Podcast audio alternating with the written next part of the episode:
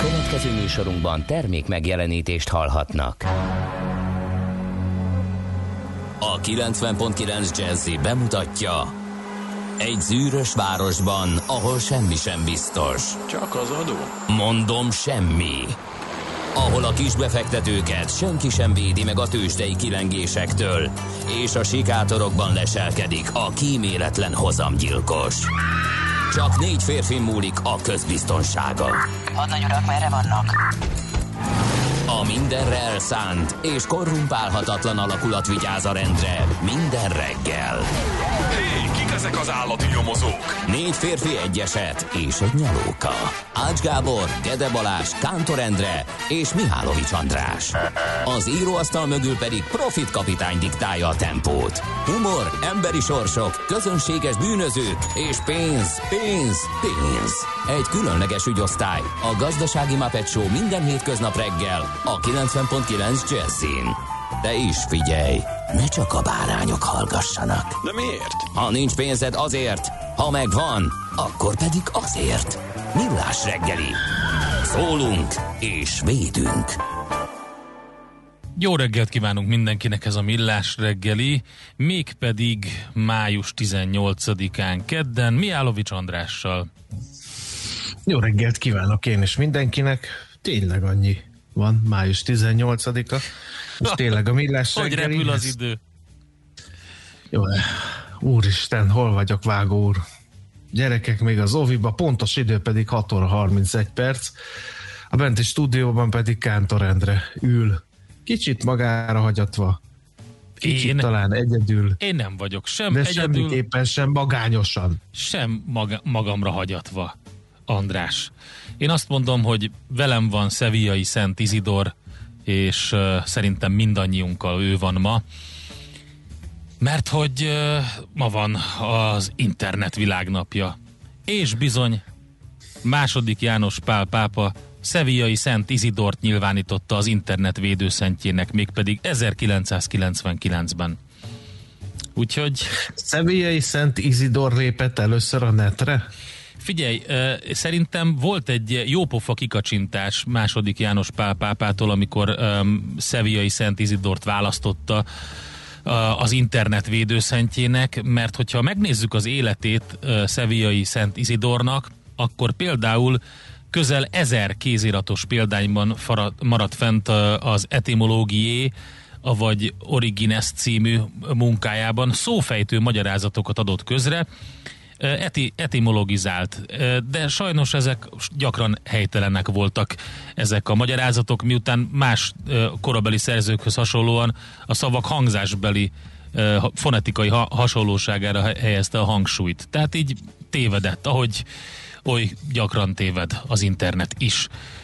Úgyhogy például a minap olvastam egy szösszenetet, és ezek a kedvenceim, amikor um, most pont a, a magyar nyelvnek a különböző aspektusait szokták ezek taglalni, de úgy, hogy van egy mondat, amit kiragadnak valahonnan, hozzáragad egy következő, egy következő, egy következő, majd valami tudományos értekezést is hozzátesznek, hogy ez innen származik, és már megmondta Sir Browning is, hogy a magyar nyelv az csodálatos, ősi nyelv, egy sincs olyan, mint a magyar, és a többi, és a többi. De hát egy röpke kis kereséssel az ember megtalálja, hogy hát ez sajnos nem így van, meg nem is ezt mondtam, meg nem egészen így.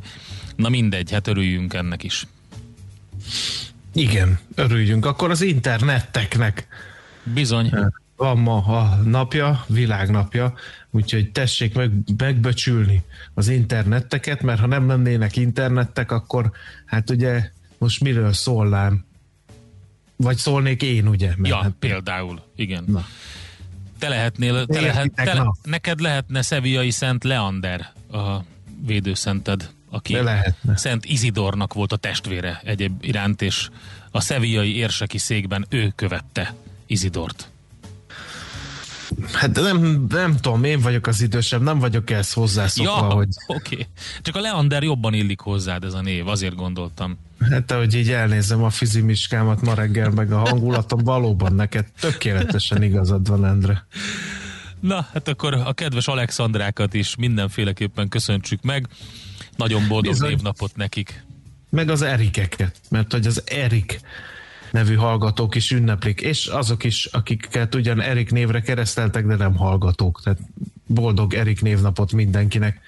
Nézzük a születésnaposokat. Várjál, várjál, hát a Blandinát kihagyod? Most, most, most láttam a névsorban a Blandinákat. Én csak a Stakabóból ismerem ö, őket. Ők énekelték azt a Great Blandina. Na, de menj, menjünk tovább. Jó, hát akkor én is beemelném a szantánákat, nehogy azt itt, hogy nem vagyok felkészülve. Szantána tényleg? Az zseniális. De az fiú név. Vajon? Nem. Sajnos. Na mindegy. Hát a, ők a gitárosról? Tehát nem, így nem, a, nem a, most néztem meg a, a Santina olasz eredetű női névnek egy, egy változatáról van szó.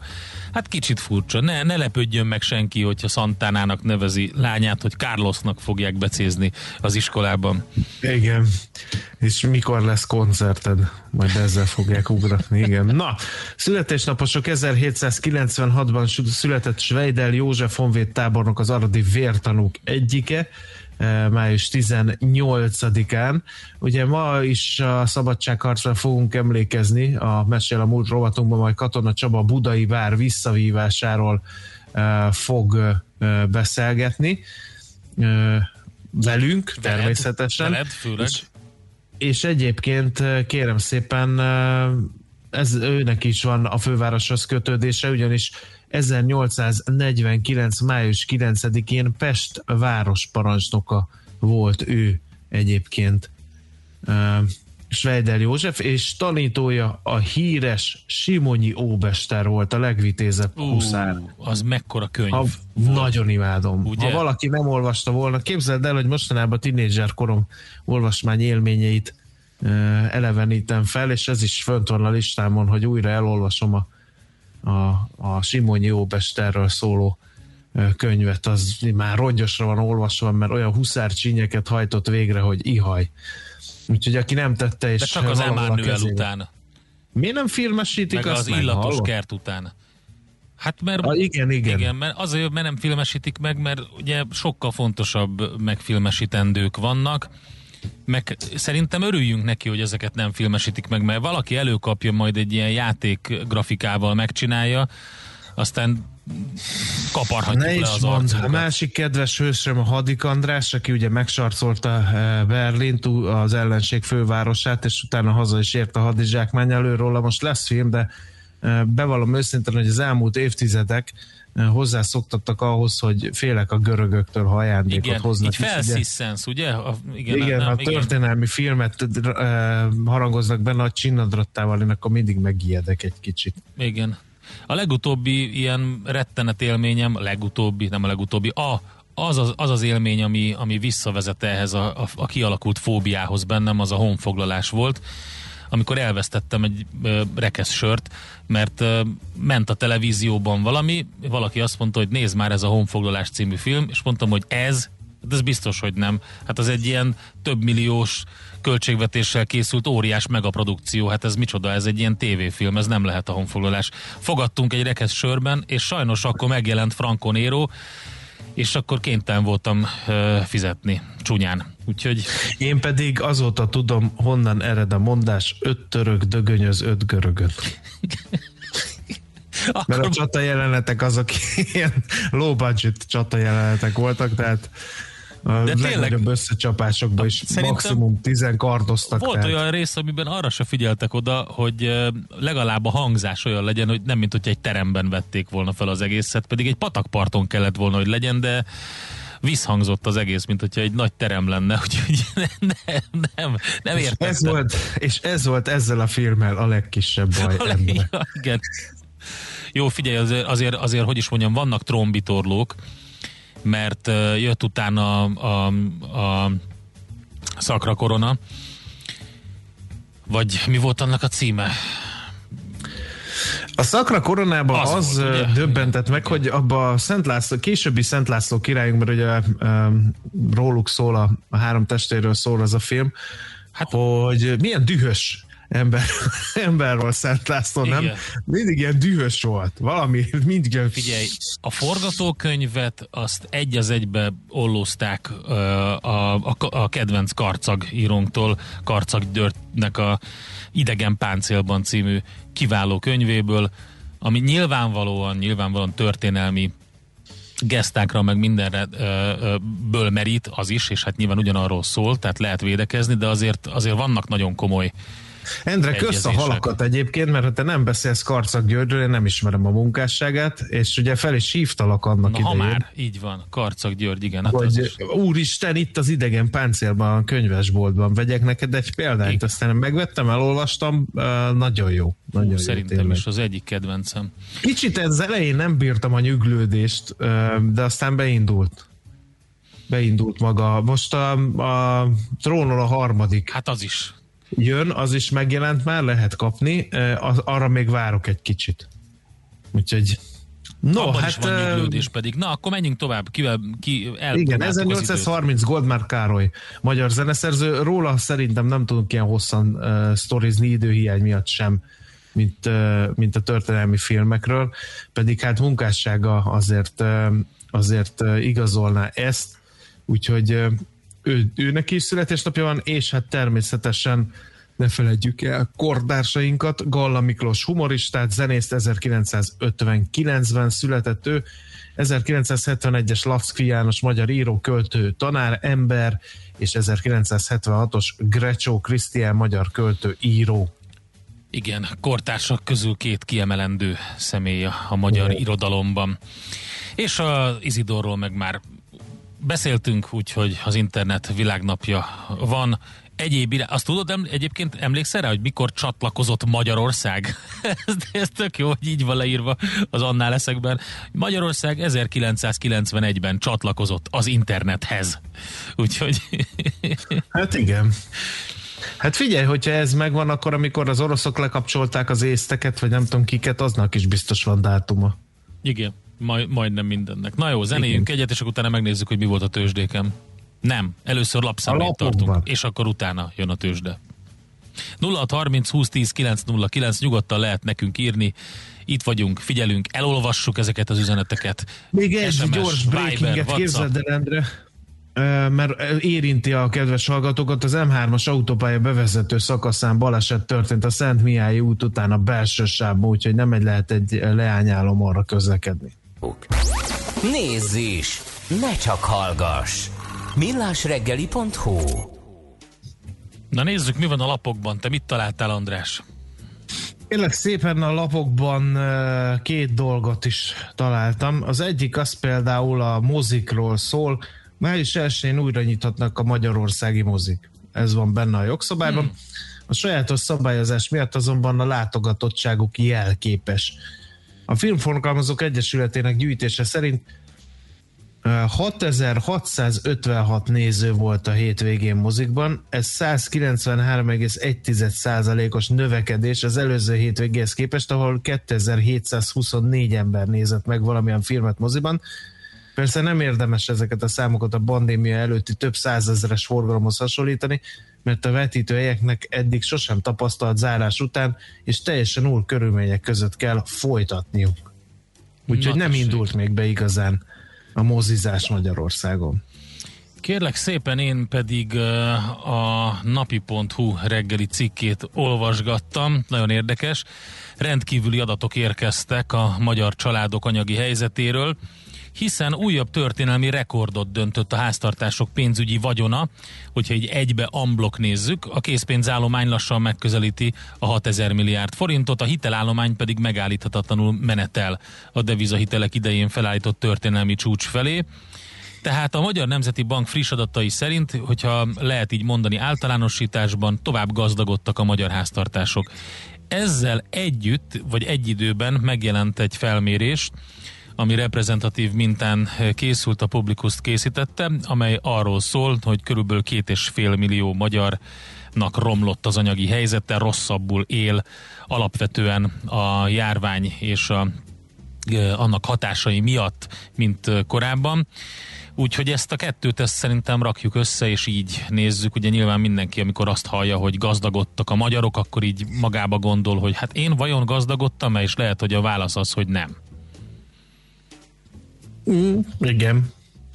No, akkor én pedig az a másik, amit találtam, hogy kevéssé vonzó a pilóta karrier. Sok pilóta elhagyta a pályát, nyugdíjba vonult, stb. stb. Ezért a turizmus újraindulásával globális pilóta hiány alakulhat ki. Hm. Ez kedvező munkaerőpiaci helyzetet teremthet azoknak, akik éppen most tanulnak, ám a légi forgalom visszaesése miatt csökken a szakma vonzereje. Ezt a világgazdaság címlapján olvasom, és egyébként eh, most ragadta meg a figyelmemet az a hír is, ugyanebből az orgánumból, mert szerint tovább csúszik a villamosok beszerzése, több mint 700 nap sem volt elegendő ahhoz, hogy a budapesti tömegközlekedés leadja a rendelést, amint egy fél száz korszerű, kedvezményes áru új COF villamosra. Az opció nem veszette teljesen, a spanyol gyártó még adott haladékot a BKK-nak egy évet, pedig az 51 jármű mielőbbi megvásárlása égetően szükséges lenne. A villamosok 85%-a már lefutotta a gyártók által ajánlott 30 éves élettartamot, ráadásul a műszaki színvonalok sem kielégítő. Én a g7.hu-t nyitottam meg, és egy érdekes sztori van a címlapon most. Arról szól, hogy megmászta a világ egyik legdurvább sziklafalát, majd létrehozta a legismertebb magyar túraboltot, és hát lényegében ugye arról szól a sztori, a, a, a Mantex történetről szól, és arról szól ugye, hogy az El Capitán az egyik legismertebb és legnehezebb sziklamászó célpont a világon. Magyarként az elsők között mászta meg Sárközi András és társa Szinger János 1987-ben. Majd utána ugye létrehozta a, a Mountex-et, ami most már a régió meghatározó túrabolt hálózata. Alapvetően ugye a szűk sziklamászó közösség kiszolgálására hozták létre ezt a céget. Ma már nyolc üzletük van Magyarországon, és ezzel a régió egyik legnagyobb túraboltjává nőtték ki magukat. A óriási breaking is van. A ballagási ünnepségek felmentést kapnak a rendezvény és gyűlés szervezés tilalma alól, mondja ki egy hétfő este megjelent kormányrendelet örülhetnek az érettségizők, ugyanis ennek az a lényeg, hogy a balagási rendezvény az intézmények nyitott épületen kívüli területein május 25-e követően is megtarthatóak, és az eseményen részt vehetnek nem védett személyek is. A maszk viselése nem mindenkinek kötelező. Hoppá! Na, Uh, jó, én igazából ennyit találtam, a többi az uh, a kíméletlenskedv kategóriába tartozna, vagy a kegyetlenked kategóriába, hanem a morgó szerdába, úgyhogy most így nem morogjunk tovább, hanem, hanem lépjünk. Ha neked nincs más.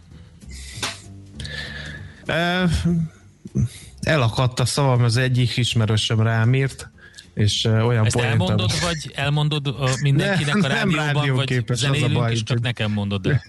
Köszi Pilukám, köszi, hallom, én látom. Jó. Csak így tovább. Csodálatos. De ennyit akarok, hogy kicsit Akkor Pilunak és Mamusznak küldjük a következő számot, mert ő beírta Mamusz, hogy ő is ma született. E, és azt mondja, hogy de hiszen második János Pál pápa is ezen a napon született, valóban tényleg e, róla nem emlékeztünk meg, pedig e, illet volna.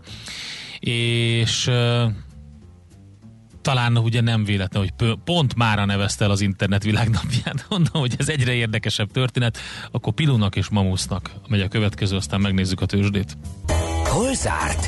Hol nyit? Mi a sztori? Mit mutat a csárt? Piacok, árfolyamok, forgalom a világ vezető parketjein és Budapesten. Tőzsdei helyzetkép következik. A Tőzsdei helyzetkép együttműködő partnere, a hazai innováció élenjáró gyógyszeripari vállalata, az idén 120 éves Richter Gedeon nyerté. 45.862 pont, ennyi lett a vége a Budapest értéktősdén, majdnem egy százalékot tudott felfelé menni a Bux. A vezető papírok pedig nem álltak valami jól, egyedül az OTP, na az aztán ment 3 százalékot fölfelé 15.045 forintig, ezt megtartotta a másik három blue chipet, amelyek gyengélkedtek. Fél százalék fölötti mínusz volt a Richternél, 8395 forinton fejezte be a gyógyszerpapír a kereskedési napját, a Telekom 0,2 százalékot esett 412 forintig, a MOL pedig 0,26 százalékot 2278 forintig. És hát kérem szépen a Master Plus-nak volt még megsüvegelendő teljesítménye, 2,7%-ot ment fölfelé a papír, és nézem még, hogy a, esetleg az állami nyomdáról volt-e valami. Hát egyelőre nem uh, látok kiemelkedő uh, eredményt a tikerje mellett, pedig kérem szépen megdobták a védettségi igazolványok a negyedéves bevételét. Erős volt egyébként az elmúlt három hónap az állami nyomda szempontjából. Masszív bevétel és profit növekedésről számolt be az első negyedéves gyors jelentésében, ami bázishatásnak köszönhető, ugyanis 2020 első negyedévének működését a járvány érintette, a vállalat nyerte el hogy azonban a védettség igazolványok gyártását, így hozzájárulhatott ahhoz, hogy rekord negyedéves bevételről számolhatott be az állami nyomda, majd megnézzük a mai kereskedésbe, hogy teljesít. Na hát a tengeren túlon izgalmas volt a szitu, csak úgy, mint a kriptodevizáknál, mert olyan hullámvasútra került mind a bitcoin, mind az ethereum, hogy ihaj, ugye egyrészt... Hát Elon Musk azonnal hát, mondjon le, mert én belealudtam az ő... Belealudtál? A dolgaiba, és jól. elfelejtettem mm. eladni a bitcoint, úgyhogy most a profitomnak a, hát ha jól számolom, felét elvesztettem. Hát figyelj, 20 százalék, 20 százalék mínusz volt, de visszakanyarodtak egyébként. Igen, látom, ma Köz, reggel néztem. Közben volt a China Securities Journalben megjelent egy véleménycikk, ami arra utalt, hogy Kína még erőteljesebben léphet majd fel a kriptodevizák kereskedésének korlátozása terén. Ez is megmozgatta őket. Minden esetre egy pici visszamozgás már észlelhető, mert hogy volt egy 42 ezer dollár körül árfolyam a bitcoinnál, és ez most már 45 és, a, és, a, és, a, és, a, és az Ethereum is erősödik azóta, úgyhogy hát mindegy hullámvasút, ezt lehet mondani, ahogy egyébként a vezető papírok is ilyen érdekes hullámvasútban vannak, illetve a nagy indexek, végül elpárologtak azok a pluszok, amik voltak napközben, és mínuszban zártak az amerikai tőzsdék, 0,2 század százaléka a Dow Jones, 0,4 százalék a Nasdaq és 0,25 század százalék az S&P mínuszban. A nagy mínuszosok közül az AT&T-t és a Walt Disney-t lehet kiemelni 2,6, illetve 2 százalékos mínusz pozitívban zárt a Ford 2,6%-kal, az Exxon 2,3%-kal és a Macy's majdnem 6%-kal. Ugye ő elég sokat esett az elmúlt időszakban. A FedEx azonban folytatja az emelkedését, aztán ki van még itt a plusz oldalon. Marathon Oil Corporation, Occidental Petroleum, mind a kettő, és az energetika, mint a legjobban teljesítő szektor az elmúlt időszakban 30%-os pluszban tartózkodik, úgyhogy egyébként azt lehet mondani, hogy alapvetően jó a hangulata az összevisszaság ellenére, 12%-os pluszban idén eddig a Dow, 4% körüli pluszban a Nasdaq és 10% fölött az S&P, hát már ezzel örülhetnek, akik például csak S&P-ben vannak. A világpiacokat tekintve Japán és Hongkong, vagyis a távol-keleti tőzsdék nem érezték meg ezt a lejtmenetet. Jelen pillanatban masszív pluszban a Nikkei 2% fölött, és 1,2%-os pluszban a hongkongi tőzsde mutatója, úgyhogy azt lehet mondani, hogy nagyon jó a hangulat. Ja igen, Sánkhái mutató is pozitív, a Kospi is 1% fölött van, úgyhogy pozitív a hangulat, és ez reméljük megágyaz majd az európai kereskedésnek. A tőzsdei helyzetkép hangzott el a hazai innováció élenjáró gyógyszeripari vállalata az idén 120 éves Richter Gedeon nyerti együttműködésével. Na, az M5 eh, bevezető elesett, Soroksár határút 25 perc, írja nekünk Julcsi. Köszönjük szépen az információkat, küldjetek még 0630 20 10 909 ide várunk közlekedési és egyéb információkat, kérdéseket a műsorral kapcsolatban. Most következik Schmidt művésznő, és el fogja mondani nekünk a híreket. utána pedig természetesen jövünk vissza mi. A műsor további részében hát elég sok minden van. Többek között megnézzük azt, hogy mi történik a forinttal. A Magyar Nemzeti Bank érdekes jelzéseket adott kamatemelés fontolgatása foroghat fent, vagy ennek esélye. Közben az infláció ugye egyre inkább érezteti hatását mindenhol. Úgyhogy a forint helyzetét fogjuk megvizsgálni. Nem úgy, hanem az infláció, ami itt a rendszerben van. Igen, igen, igen, igen. Benne van a rendszerben, igen. Igen. Cégenergia rovatunk is lesz majd a blokk végén. Úgyhogy nagyjából ezek a témák az, amivel készültünk, meg hát budapesti hírekkel jövünk. Nézd a Millás reggeli adásait élőben a millásreggeli.hu oldalon. Millás, Millás reggeli, a vizuális rádió műsor. A reggeli rohanásban könnyű szemtől szembe kerülni egy túl szépnek tűnő ajánlattal. Az eredmény krétával körberajzolt tetemes összeg. A tethelyen a gazdasági helyszínelők, a ravasz, az agy és két füles csésze és fejvállalakzat. A lehetetlen küldetés megfejteni a Fibonacci kódot. A jutalom egy bögre rossz kávé és egy olyan hozamgörbe, amilyet még Alonso Mózli sem látott. Millás reggeli, a 90.9 Jazzy Rádió gazdasági mapetsója. Vigyázat! Van rá engedélyünk! Jó reggelt kívánunk mindenkinek! Ez továbbra is a Millás reggeli, mégpedig Mihálovics Andrással és még pedig Kántor Endrével is, aki szintén műsort vezet a Mirás reggeli című rádió műsorban a 90.9 Jazzy rádión, melynek SMS, WhatsApp és Viber elérhetősége 0630 20 10 909, és amelynek azon epizódját hallhatják a kedves hallgatók, amely 7 óra 13 perckor kerül adásba 2021. június Ja, május 18-án. Pont a végét Ne rohanjunk ennyire előre, kedves kollega kicsit lassabb lendület, kisebb lendület, és akkor megfontoltan haladjunk. Budapest legfrissebb közlekedési hírei, itt a 90.9 jazz Hát kérem szépen, megfontolt haladásra az M3-as autópálya bevezető szakaszán van mód, ez kétség kívül igaz lehet, ugyanis a Szent Mihály út után a belső sávban baleset történt, és Zuglóban is van egy baleset, a Róna utcában ott is lehet gondolkodni az élet nagy dolgain, a Tökölő út közelében az M3-as autópálya felé tehát befelé az M3-ason, meg kifelé az M3-as felé is baleset van, úgyhogy szép az élet. És már a kedves hallgatónk Julcsi is megírta az M5 bevezető eleset, Soroksár határút 25 perc. Köszönjük szépen. A Népfürdő utca még rendben van, a rakpart még közel állam szép, Margit híd folyamatosan lehet, a Margit hídig folyamatosan lehet haladni, írja a szerszám gazda. Budapest, Budapest, te csodás! Hírek, információk, érdekességek, események Budapestről és környékéről. Na nézzük akkor, hogy például um, milyen ötleteket dobtak be a budapestiek ebbe a részvételi költségvetésbe.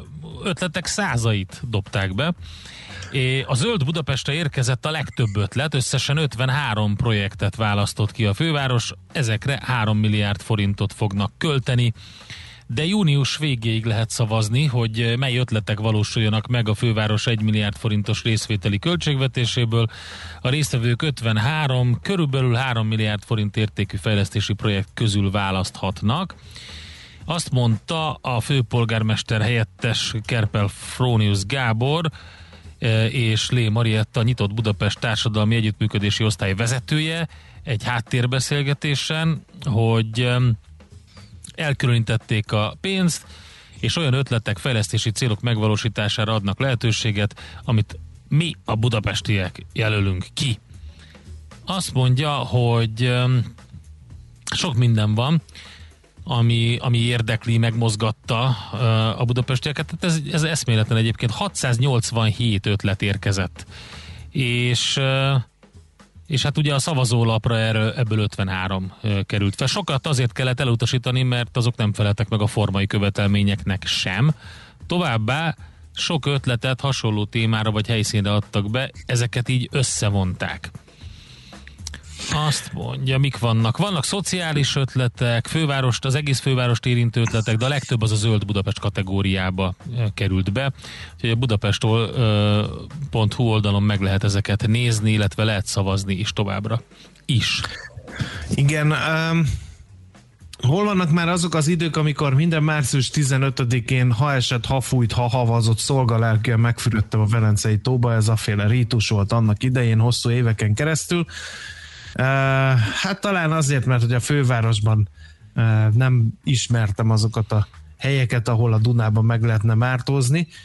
Hát azért van most már ilyenekből is, szabad strandokból, ha a fővárostól nem annyira távol, természet közelben szeretnénk élvezni a nyarat, hát hol lehet ezeket megtenni?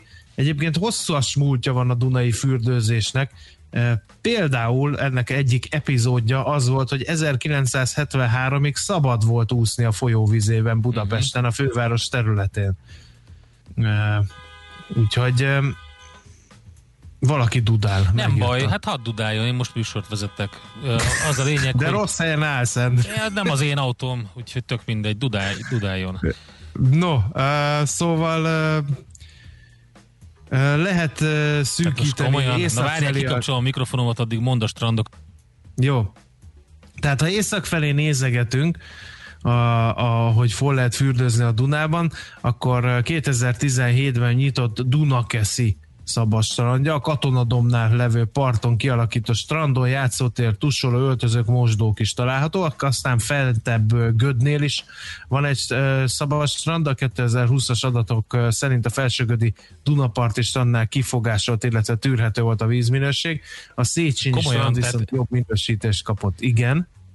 Nem mondták el szerintem az illetőnek, hogy a dudálás az nem fogja megoldani azt a problémát, amikor két autó áll egymással szemben. Tehát lehet beszélni például, vagy mondjuk vagy ki lehet szállni, kommunikálni, de hogyha nyomom a dudát, akkor az nem oldja meg. Na mindegy. És tényleg ez volt, hogy állnak Igen. szembe egymással, mint két Igen. kiskecske a hídon, Igen. Mhm. és hogy menj vissza te, menj vissza te, és Igen. ehelyett, hát Ez. ugye tudjuk a mese tanulságot, hogy mind a ketten Igen. beleesnek a patakba, és megfulladtak, ez van. talán ezt kéne. Nincs egy marha nagy megafonot, szívesen elmesélem Nincs, nekik de egy a- marha nagy féltégla van, tehát most ezt eldönthetjük, hogy melyik legyen. Na, Milyen azt márkájú mondja, autókról van szó? Drágák? igen, Hát akkor ugye itt annak a bizonyosnak a méregetése ö, áll fenn. Ö, Na mindegy, hagyjuk tovább, és ö, menjünk, mert abból talán sokkal többen okulnak, hogy Horányon is van Szabadstrand, a Pócsmegyeri Pázsító fürdős elég jó, a Dunabogdányi Forgóstrand, hú, azt imádom, 150 nagyon jók, méter igen. homokos part, imádom, egyszerűen Verőce Szabadstrandja, besorolás alatt volt, mert két évvel ezelőtt megújult. ez most mind az északi irány, ugye? igen, igen, Kisoroszi szigetcsúcs, tehát ezeket Nagymaros Ott is egyébként egy tök jó kemping is van, tehát ez ö, kiváló. Úgyhogy Igen, ez észak felé, aztán hát dél felé is Ráckevei A Vadkacsa, Vadkacsastrand, igen. igen, aztán Szigetcsépen is van szabadstrand, Dom, Dömsödön strandfürdő, kérem szépen, aztán Szalki sziget Dunói-városba, eh, szülővárosomba is ott lehet na fürödni. a Szalki sziget, ott nem voltam még, azt pedig hallottam, Azt hogy nagyon klassz. ki, nagyon jó. Aztán a bajai kamarás Dunai, Aha, vagy a Sugovica, na hajaj. ez már inkább a te... Csodálatos. És a faddombori, hát Ah, imádtam. figyelj. Hey, micsoda bulik voltak Ugye? faddombori. Ugye? Jaj, Istenem. Na, A, úgy kezdődött a dal, hogy faddon bucsú lesz, bogyiszlóm meg nem, és akkor a többit azt majd egyszer eléneklem. Na jó, köszönjük szépen. Tehát lehet, hát lehet felsorolásszerűen, mert a dudálók belelopták magukat a Millás reggeli műsorába. Mindenkinek jár eh, néhány perc hírnév. Nekünk a Gellért hegy a Himalája. A Millás reggeli fővárossal és környékével foglalkozó rovata hangzott el. Nem a fájdalomtól, hanem a félelemtől válik az ember irányíthatóvá. Millás reggeli. Mi történik a forinttal? Ez egy nagy kérdés. Voltak érdekes jelzések a Magyar Nemzeti Bank házatájáról, miután ugye 5% feletti inflációt lehetett látni, és közben a forint egy ilyen 9 ö, havi csúcsra erősödött, de elég érdekesen változik az árfolyama. Nézzük akkor, hogy ö, mi lesz a forinttal, meg egyáltalán milyen jelzések vannak. Itt van velünk a vonalban Kolba Miklós, az ING Bank Senior Treasury üzletkötője. Szervusz, jó reggelt kívánunk! Szervusztok, jó reggelt, üdvözlöm a hallgatókat. Megroppant a kemény derék? Hát eddig a Magyar Nemzeti Bank még csak hallani se akart semmiféle kamatemelésről. Állta itt a viharokat, aztán most kiállt Virág Barnabás, és valamit mondott, amitől felbojdult a piac. Én úgy gondolom, hogy az elmúlt időszaknak a, a forint mozgásai, és az, hogy többször is teszteltük ezt a hát már elég, elég magasnak mondható, sőt túlzottan is magasnak mondható 370-es szintet. Én azt gondolom, hogy egy szemléletváltást vagy stratégiaváltást okozott a Nemzeti Bank részéről, szerint ugye ez a nem reaktív, hanem proaktív módon próbálják meg kezelni a helyzetet. Ugye ez annyit jelent, hogy előre előre próbálnak intézkedéseket bejelenteni, illetve intézkedéseket ígérni, de ez már a, a márciusi kamatdöntő ülésen is elhangzott, hogy am, ha és amennyiben szükséges lépünk, ugye ez már egy proaktív jelzés, hogy nem várjuk meg, amíg valami újra történik, hanem szeretnénk előre kezelni a helyzetet. Ennek a bejelentése történt meg gyakorlatilag tegnap, de azt mondta, azt hangzott el, hogy a júniusi kamat döntőülésen akár már az alapkamat emelését is megfontolja a jegybank, és hát addig is egyébként van neki tere, például az egyhetes uh-huh. forint betéten kozmetikázni ahhoz, hogy az árfolyamot ugye erősebben én azt gondolom, hogy még hogyha a Nemzeti Bank nem is mondja ki, hogy neki van esetleg árfolyam célja, én azt gondolom, hogy ő szeretné a három 350 körül tudni valahol a forintot. A Épp kérdezni akartam, hogy, hogy mit akar megelőzni a Nemzeti Bank, és miért pont most akarja megelőzni? Azt gondolom, alapvetően, alapvetően a piaci, a piaci szituáció adja azt, hogy ez a, ahogy látjátok is, egy nagyon élesen és nagyon drasztikusan tudott erősödni a forint. Ugye ennek több oka is van egyrészt a fény az alagút végén, ami ugye nem csak a mi alagútunk végén van, hanem az egész világnak az alagútjának a végén, miszerint ugye a, a válság, illetve ebből a pandémiás válságból a kilábalás gyakorlatilag hát a küszöbön van, ugye nyilván még nem lábaltunk ki belőle, de, de megtaláltuk, vagy úgy néz hogy működik ez a mód, amivel kimehetünk, újraélethetnek a gazdaságok, újraindulhat majd az élet. Ugye ez mindenképpen egy pozitívum.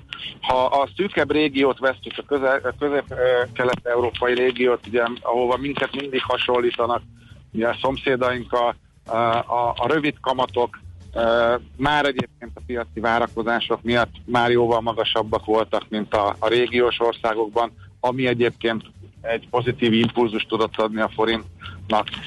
És gyakorlatilag az 5,1-es inflációs adat az, az már előre vetítette azt, hogy ha ilyen magas adatot látunk, akkor a Nemzeti Banknak hát egyrészt oka is lesz, módja is lesz, másrészt pedig hát valószínűleg szükségszerű is lesz valamit tenni, tehát ez a, ez a kemény vagyok, már még nem csinálok semmit, kivárunk, majd lesz valami, ez a, ez a fajta politika már nem igazán működhetett. Úgyhogy én azt gondolom, hogy ennek most volt itt az ideje, hogy ezeket uh-huh. a bejelentéseket tegyék. Na jó, hát akkor innentől tiéd a pálya vajon felforgatja ez a, az eddigi e, viszonylagos állóvizet. Most ezt azért mondom idézőjelbe téve, mert azért, azért gyengültünk lassan, de biztosan, de most ez megállíthatja Na, ne gondolja a Nemzeti Bank, mert különben minek lépték volna meg. Én azt gondolom, hogy azt gondolom, hogy a, a, a Nemzeti Bank elszántságát a, a piac abszolút megfogadta, vagy el, elhitte, elfogadta. Ugye ez látszik az árfolyam mozgáson. Én azt gondolom, hogy ha ezt tettek is követik, akkor pedig minden körülmények között a piac ezt úgy fogja lereagálni, hogy a forint az az ugye, hát az áhított, ugye mindenki a 3.30-at szeretné újra látni, ahol tavalyról indultunk most a 300-as szintekről még mindig ne beszéljünk tényleg, mert az, az még mindig a science fiction kategória. De ugye már én azt gondolom, hogy, a, hogy, hogy itt mindenki elégedett lenne, hogyha 350 alá be tudna ragadni a forint, és én azt gondolom, hogy ha és amennyiben lesznek itt a, akár az egyhetesben, akár az alapkamatban e, változtatások, akkor, e, akkor erre az összképet nézve e, van esélye a forintnak. Nyilvánvalóan e, piaci külső-belső hatásokkal vezérelve azért lesznek hullámzások, tehát ez most nem azt jelenti, vagy egy bejelentett kamatemelési ciklus elindul, akkor most örökre, örökre erősödni fog a forint. Nem, nyilván lesz megint korrekció, megnézhetjük akár a 360-at is, ha olyan van, de, de alapvetően az irány inkább, vagy legalábbis a tendencia azt fogja mutatni, hogy inkább erősödő forintot fogunk látni, és megvalósulhat az, hogy valóban a, a 350-es középpel, vagy akár a 350 alá is beszorulhatunk, és a De szorulás... figyelj, most a, a, a magyar gazdaságnak nem jó a gyenge forint? Hát exportorientáltak vagyunk, vagy ez már túl gyenge? Hát azért a világ vége gyenge euróforint azért annyira nem jó. Tehát ugye, hogyha hozzávesztük a, a nyersanyagárakat, legyen az, legyen az ugye soft commodity, legyen az fémárak, legyen az olajár, akkor azért annyira nem jó. Tehát nem teljesen mindegy, hogy a 80 dolláros olajat, amit ugye prognosztizálnak még a következő pár hónapra, azt mondjuk e, 310-es dollárból veszed meg, vagy 292-esből. Uh-huh. Úgyhogy e, tehát azért itt ennek vannak, hogy mondjam, mindennek van egy határa, fogalmazzunk így. Tehát eh, nyilvánvaló a, a gazdaságnak egy bizonyos szintig ez jó, de azért mi erősen importkitett ország vagyunk, nem teljesen mindegy, hogy mennyire vásároljuk az energiától kezdve bármit, úgyhogy nem, tehát azért nem, nem teljesen egyértelműen jó az, hogyha a forint gyenge. Egy, egy ilyen, ugye van ez a van ez a, szoktuk mondani, hogy van ez a vékony mesdje, amit meg kell találni, ahol nagyjából az igazság van. Hát erre kell törekedni.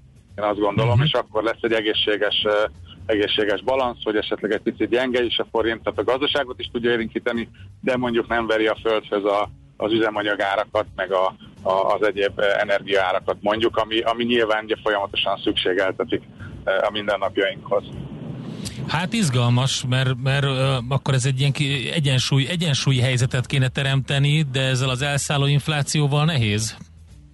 Hát ez egy húz meg, erez meg játék. Ugye az infláció, eh, az infláció valószínűleg, ugye egyébként valószínűleg az is vezette a Nemzeti Bankot a tegnapi bejelentésre, ugye márciusban még arról volt szó, hogy úgy látják, hogy ez egy egyszeri kiugró inflációs adat lesz, majd Hát igen. jövőre, jövőre ugye maradunk a, a, a kritikus szint alatt körülbelül egy százalékkal, ugye ez a 3 százalék körüli infláció.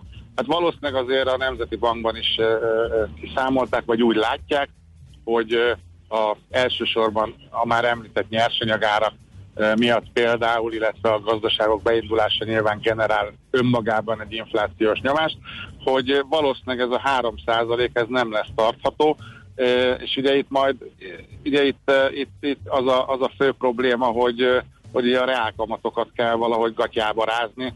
Na most ö, ö, egy, egy magasabb inflá, egy tartós magasabb infláció és nagyon alacsony kamat mellett gyakorlatilag ugye akkor a, a forinttal meg, tehát akkor nem tudunk ezzel mit kezdeni. Tehát akkor tényleg jön a, a szuper gyenge forint, és akkor lehet, hogy a gazdaságnak jó, de minden, tehát a, a, a növekedésnek mondjuk jó, de minden másnak pedig rossz, ugye, az pedig nem Igen, hát de nem ártana elinflálni azért ezt a baromi nagy államadóságot, vagy legalább annak egy részét, ugye itt megint egy ellenér van, de hát ugye Jó, ez hát azért nem ilyen ez- ez egyszerű, nem egy- ráadásul ugye az inflációt azt mondják, hogy csak egy ilyen kiszúrás ez az infláció, és nem lesz tartós, Igen. legalábbis a szakértők ezt mondják. Jó, hát ez az, amit ugye, ez, az, amit meglá, meglátjuk, hogy hon, egy elég Mhm. magas, magasról indulunk, tehát ö, nehéz lesz kiszúrásnak tekinteni, hogyha hogyha a, tényleg beindul itt minden, és még mindig 5,1, meg 5,2, meg nem tudom. Tehát ö, ö, azért itt el kell telni egy kis időnek. Én azt gondolom, hogy a Nemzeti Bank nagyon ö, talpra esetten ö, megpróbálja. Ugye azt is mondta, hogy ö, adatvezérelt ö, módban, proaktívan ö, szeretnék kezelni ezt a helyzetet. Én azt gondolom, hogy ez így teljesen rendben is van. Az, hogy nyilván az, hogy mennyire fog ez sikerülni, hát nézd, ez olyan, mint az FX trading, amit most már lassan 30 éven csinálok. A nap végén mindig el tudom mondani, hogy mi volt jó, meg mi nem volt jó. Hát majd meglátjuk. Én azt gondolom, hogy a maga a szemlélet, meg az irány az rendben van. Oké, okay. rendben van. Köszönjük szépen ezt a kis kitekintőt piacra, forintra, és arra, hogy mire, mire, mire, mi van hatással a forint gyengeségére, erősségére, és hogy kell egyensúlyozni a jegybanknak. Májki, köszönjük szépen, szép napot, jó munkát neked! Köszönöm én is, üdvözlöm a hallgatókat, titeket is, szép napot mindenkinek.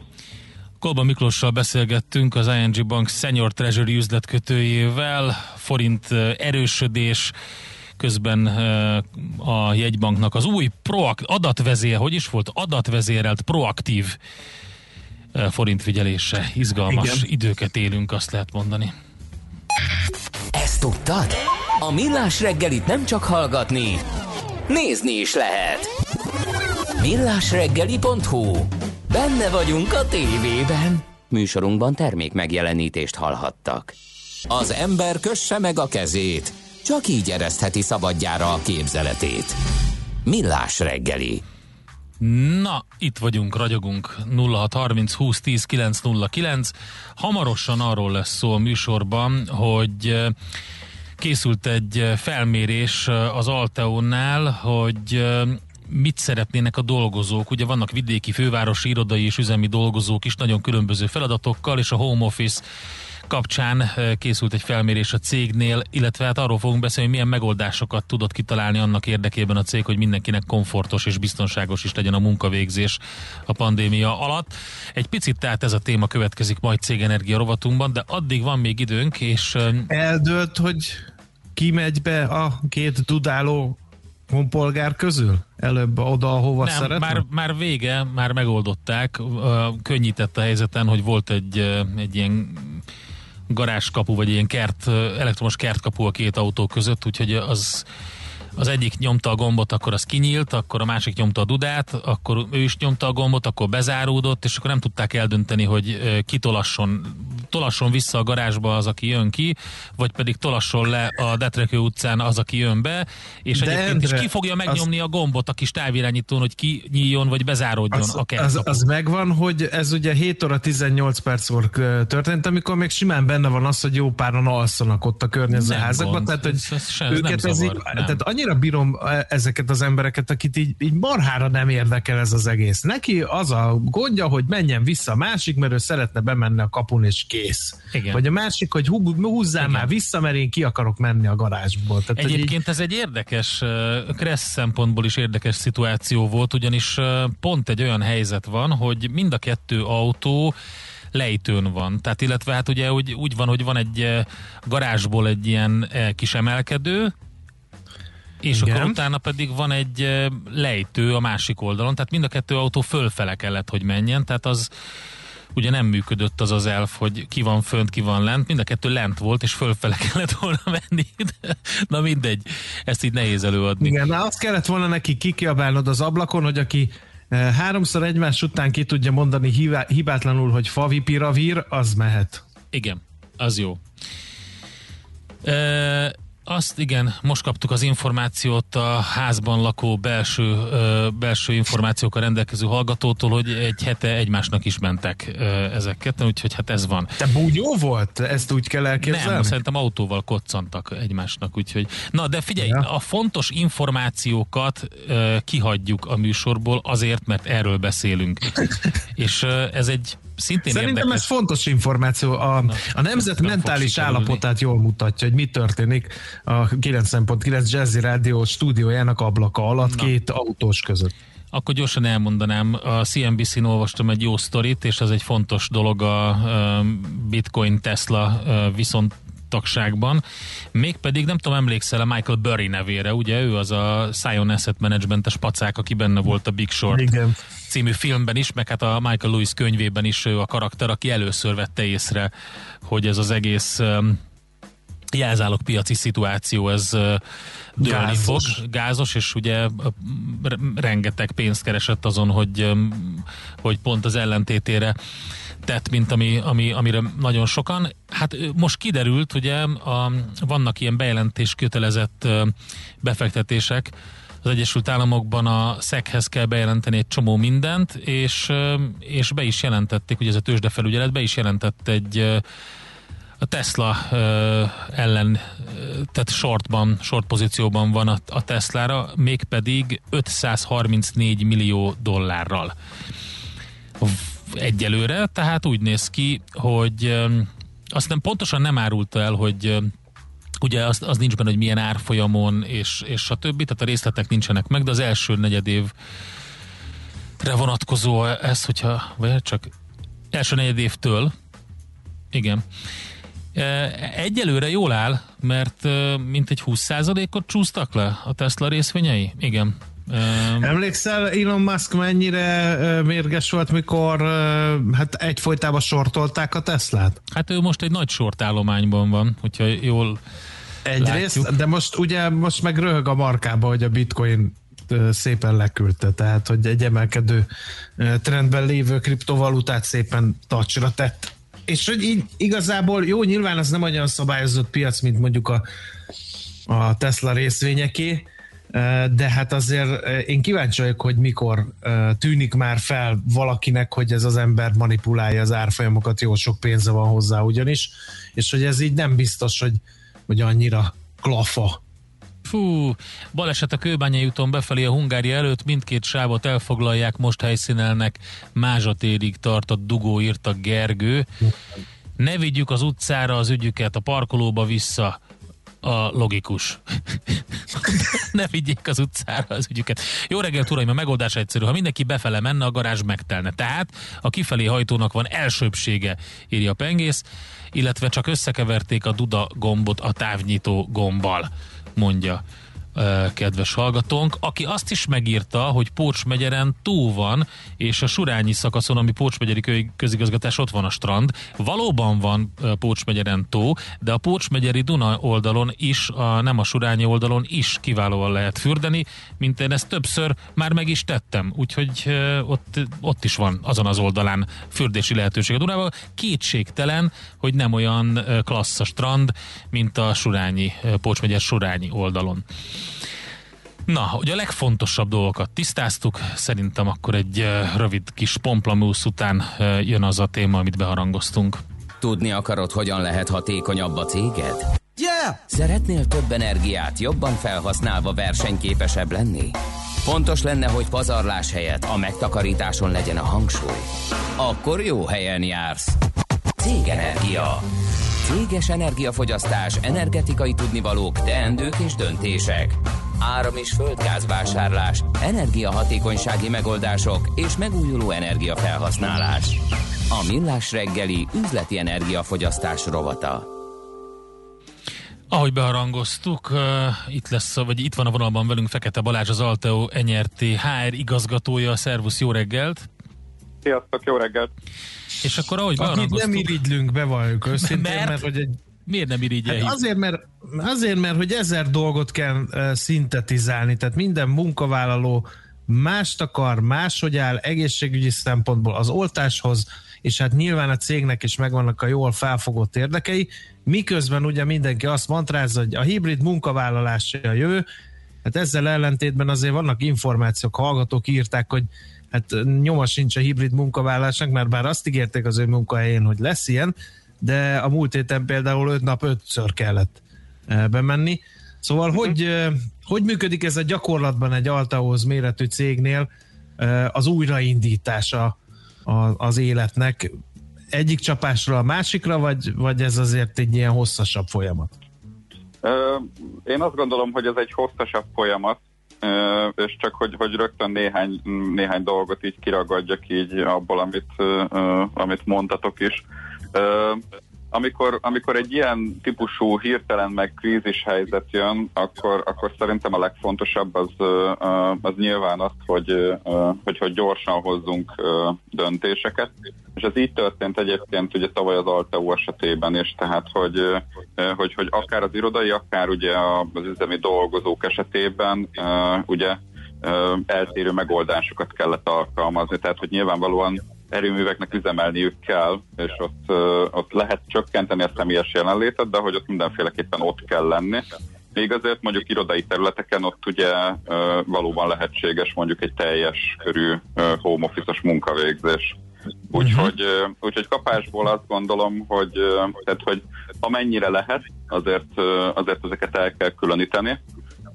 És ami szerintem meg nagyon-nagyon fontos, és ugye mi is ezt csináltuk gyakorlatilag, hogy, hogy időről időre célzottan, de felmértük a kollégáknál, hogy hogy, hogy gondolkoznak a, a munkavégzésről, hogyan szeretnének egyébként dolgozni, tehát hogy nyilván ez is egy fontos input, uh, meg gyakorlatilag az, hogy egyébként tudjuk-e őket bármilyen módon segíteni, támogatni. Uh-huh. Ez érdekes, mert ugye... Ráadásul, ami, bocsáss meg Endre, még egy, egy gondolat csak az előzőhöz hozzátartozik, hogy azt is meg kell uh, ugrani, a vállalkozásoknak, hogy bezárni szinte egyik napról a másikra kellett uh, nyitni, uh-huh. meg talán hosszasabb folyamat. Uh-huh. Hát a, a, a nyitást illetően, tehát hogy ez nem titok, hogy ez per pillanat még nálunk is egy, egy abszolút porondon levő téma, de, de azt látom, hogy, hogy, hogy mi is a fokozatos nyitás mellett tesszük le a, a voksunkat. Nem, nem lehet egyik napról a másikra szerintem sem visszavezényelni, pláne olyan kollégákat mondjuk irodai környezetbe, aki lehet, hogy mondjuk fél éve járt bent utoljára. Uh-huh. Úgyhogy, úgyhogy én mindenkinek ezt javasolnám, meg a felmérés is alapvetően ezt uh, mutatta. A, a vezetők fele azt támogatta, hogy heti két nap home office legyen, a munkatársak fele az inkább a hármat. Szerintem, tehát, hogy, hogy valahol fogunk tudni majd olyan megoldási formát találni mindenképpen, ami, tehát, hogy amire, amire törekszünk, az, az tényleg a jó értelemben vett rugalmasság, egészen addig, ameddig egyébként a kollégák jó teljesítményt hoznak. Én azt gondolom, hogy kicsit, kicsit sarkítva, de bárhol végezhetik a munkájukat egyébként. Viszont a másik oldalt is nagyon-nagyon szigorúan figyelembe kell venni, hogy kell, hogy a csapatok együtt legyenek, kell, hogy együtt legyünk az irodában is, kellenek ezek a közösségi élmények, a, a munkahelyhez megélni, tényleg egy kávét meginni valakivel, tehát hogy azért az nyilván nagyon más. Igen, pont ezt akartam kérdezni, úgyhogy részben válaszoltál is a kérdésre, hogy um, az, hogy általában az szokott lenni a, koncepció, hogy, hogy leül a vezetés, és így nagyjából megbeszél, hogy most mi lesz. De az, hogy a munkavállalókat is megkérdezik, de ki is ugrott a különbség. Ugye a munkavállalók szerettek volna egy kicsit többet otthon lenni, a vezetők meg ezt akarták volna, hogy egy kicsit többet legyenek a cégnél, de nem olyan nagy, úgy látszik ez a, tehát kompromisszumképes ez a dolog, mert itt nem arról volt, hogy öt napot szeretnék otthon lenni, vagy négy napot otthon és egyet az irodában. Uh-huh, így van. Az egyetlen, amit, amit most per pillanat uh, uh, még azt gondolom, hogy, hogy, hogy odébb állunk ettől, tehát volt, akik, uh, vagy dolgozóknak egy 10% aki kifejezetten ezt a full távmunkát kérte. Aha. Ez, e, e, itt még szerintem nem feltétlenül tartunk, de tehát, hogy, hogy nem, nem tudok erre még ilyen egyértelmű választ adni. Azért az nagyon-nagyon fontos, tehát, hogy, hogy, hogy nagyon tényleg, ahogy mondtátok az elején, hogy ez egy, ez egy komplex kihívás, tehát ö, ö, nyilván ahhoz, hogy hibrid munkavégzés jól működjön, ehhez kellenek rendszerek, kell képezni a vezetőinket, ö, ö, kell egy, egy, egy IT háttér, tehát hogy nyilvánvalóan nélkül nem működik, hogy egyébként ne, ne tudnék a laptopommal mondjuk, mondjuk itthonról megfelelően dolgozni. Tehát, tehát azért, azért jó pár dolognak uh-huh. össze kell állni ahhoz, hogy ez valóban hatékonyan működjön. Igen. Még egy dolog motoszkál a fejemben, e, és ugye azért jó, hogy gyakorló HR szakemberrel beszélünk, mert ezt fel tudom tenni ezt a kérdést, mert eddig csak elméletben hallottam, hogy a, a távmunkának, meg az egész pandémia helyzetnek az egyik legnagyobb nehézsége az az volt, hogy megőrizzék a kollektivitást a cégek, és megőrizzék azt, hogy, hogy a munkavállalók e, lojálisak maradjanak a, maradjanak a, a munkaadójukhoz és elkötelezettek a munkájuk iránt, mert hogy ezek a, ezeket ugye online nagyon nehéz befolyásolni ezeket, a, ezeket a, az érzéseket, attitűdöket. Uh-huh. Hál' Istennek a, a hangulati felmérés az most jó képet mutatott. Én bevallom, hogy rosszabbra számítottam így, mert ugye márciusban néztük meg ezt utoljára. De hogy de hogy egyébként mi mindent lehet tenni amúgy távolról is, tehát hogy, hogy csak egy nagyon egyszerű példát mondjak, én, én sose csináltam még, pedig most már nagyon régóta szakmában vagyok, ö, online ö, céges évzáró karácsonyi ünnepséget. és, ö, és nekem is voltak aggájaim, ö, viszont azt gondolom, hogy a helyzetből kihoztuk a maximumot, és olyan, ö, olyan jó értékeléseket kapott az esemény, hogy, tehát, hogy az ötös skálán majdnem az 5,1-et elértük vele, tehát hogy hogy, hogy tényleg látszott az, hogy, hogy ezek a kollégák értékelik az összes erőfeszítést, amit a cég igyekszik a, a, az érdekükben tenni. Mondok még egy példát, megengeditek. most ugye az iskola bezárásokra hirtelen kellett reagálni márciusban, kísérleteztünk ilyen online napközis foglalkozásokkal a Balettől a Bárszínházig, illetve gyors reagálással egyeztettünk az IT csapattal, és néhány használaton kívüli laptopot is tudtunk biztosítani kollégáknak, mert nyilván ahol három-négy gyerek van, nem biztos, hogy van ott náluk annyi laptop. Uh-huh. Tehát, uh, tehát van, van, van tényleg egy csomó olyan uh, intézkedés, ami még megkockáztatom, még nem is feltétlenül, tehát hogy költség oldalon nem jelent olyan óriási többletet, inkább csak tényleg, tehát hogy azt gondolom, hogy ebből azért, mert hogy az a pár család is, akinek most tudtunk így segíteni, azért lényegesen hálásabban gondol ránk. Tehát, hogy azt érzi, hogy hogy igenis mi felelős munkát, munkáltatóként mi segítettük őt és támogattuk ebben a nehéz periódusban. Érkezett egy kérdés a kedves hallgatóktól, hogy mi, mi a törvényi hivatkozás a távmunkára, kérdezte Ákos, gondolom, hogy itt hogy hogy lehet ezt a törvényinek megfelelően uh-huh. tenni. Hát az a helyzet, hogy per pillanat a maga egyébként a távmunka szabályozás, az, hogy kifejezetten van távmunka, és van irodai munka, uh-huh. és pont ez a, ez a kettő között ez a home office, ez most egy ilyen, hát hogy mondják, hogy ilyen törvényen felül, vagy törvényen Aha. kívül álló történet, tehát hogy emiatt is nem, nem titok, tehát múlt héten is a, a vállalati jogászunkkal pont erről beszélgettünk, hogy vajon mi az a vállalati munkarend, ami per pillanat a munka törvénykönyvének is jól megfelel, és egyébként mi magunk is tényleg hibrid munkavégzésként jól tudnánk alkalmazni. Tehát uh, itt, itt per pillanat én érzek egy elég erős uh, joghézagot, de tehát, hogy, hogy mondjam, ez, ez inkább csak annyi, hogy, hogy, hogy, hogy a, a cégeknek a lehetőségeit szűkíti. Tehát, hogy, hogy ugye nyilván, hogy törvényileg is megfeleljek, és egy kellően rugalmas munkavégzési formát találjak Stimmel. a kollégáknak. Hát lehet, hogy későn reagál a jogalkotó rá, de jobb későn, mint soha. Minden esetre uh-huh. az biztos, hogy a, a hozzáállás a cégvezetéstől az, az nagyon jó, hogyha, hogyha fel, megkérdezi a dolgozókat, és akkor azt figyelembe véve alakítják ki a, a munkarendet.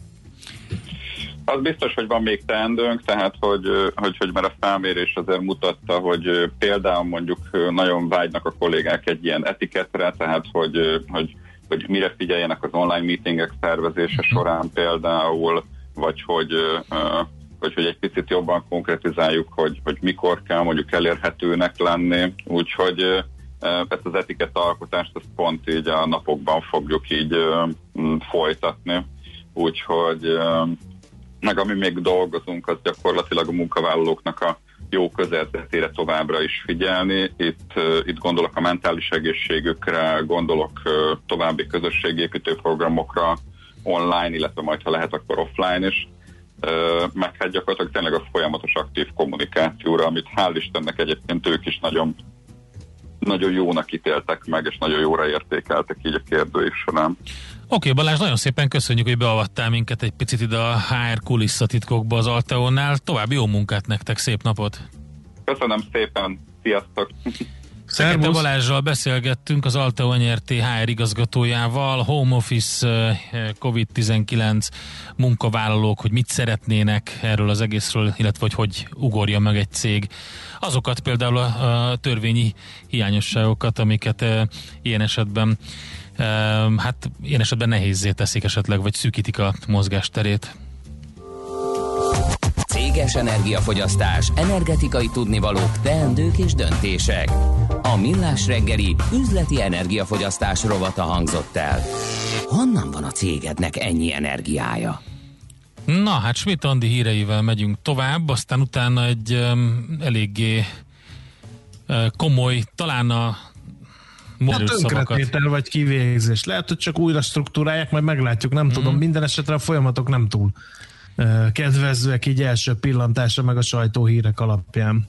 A Habitat for Humanity Magyarország határozottan elutasítja ugye azt a törvényjavaslatot, amit múlt héten kedden késő este nyújtottak be, és ez lehetővé tenné, hogy az önkormányzati bérlakásokat a lakás értékének legfeljebb 30%-áért fel lehessen vásárolni. Érdekes hullámokat vetett ez a kezdeményezés kormányzati körökben is, de minden esetre mi most arról beszélünk, a, amit a Habitat mond, hogy a haldokló, már eleve haldokló bérlakás szektor és a szociális lakáspolitika kegyelemdöfése ez. Szegfalvi Zsoltot hívjuk majd a Habitat for Humanity Magyarország ügyvezető igazgatóját. Ezt tudtad? A Millás reggelit nem csak hallgatni, nézni is lehet. Millásreggeli.hu Benne vagyunk a tévében.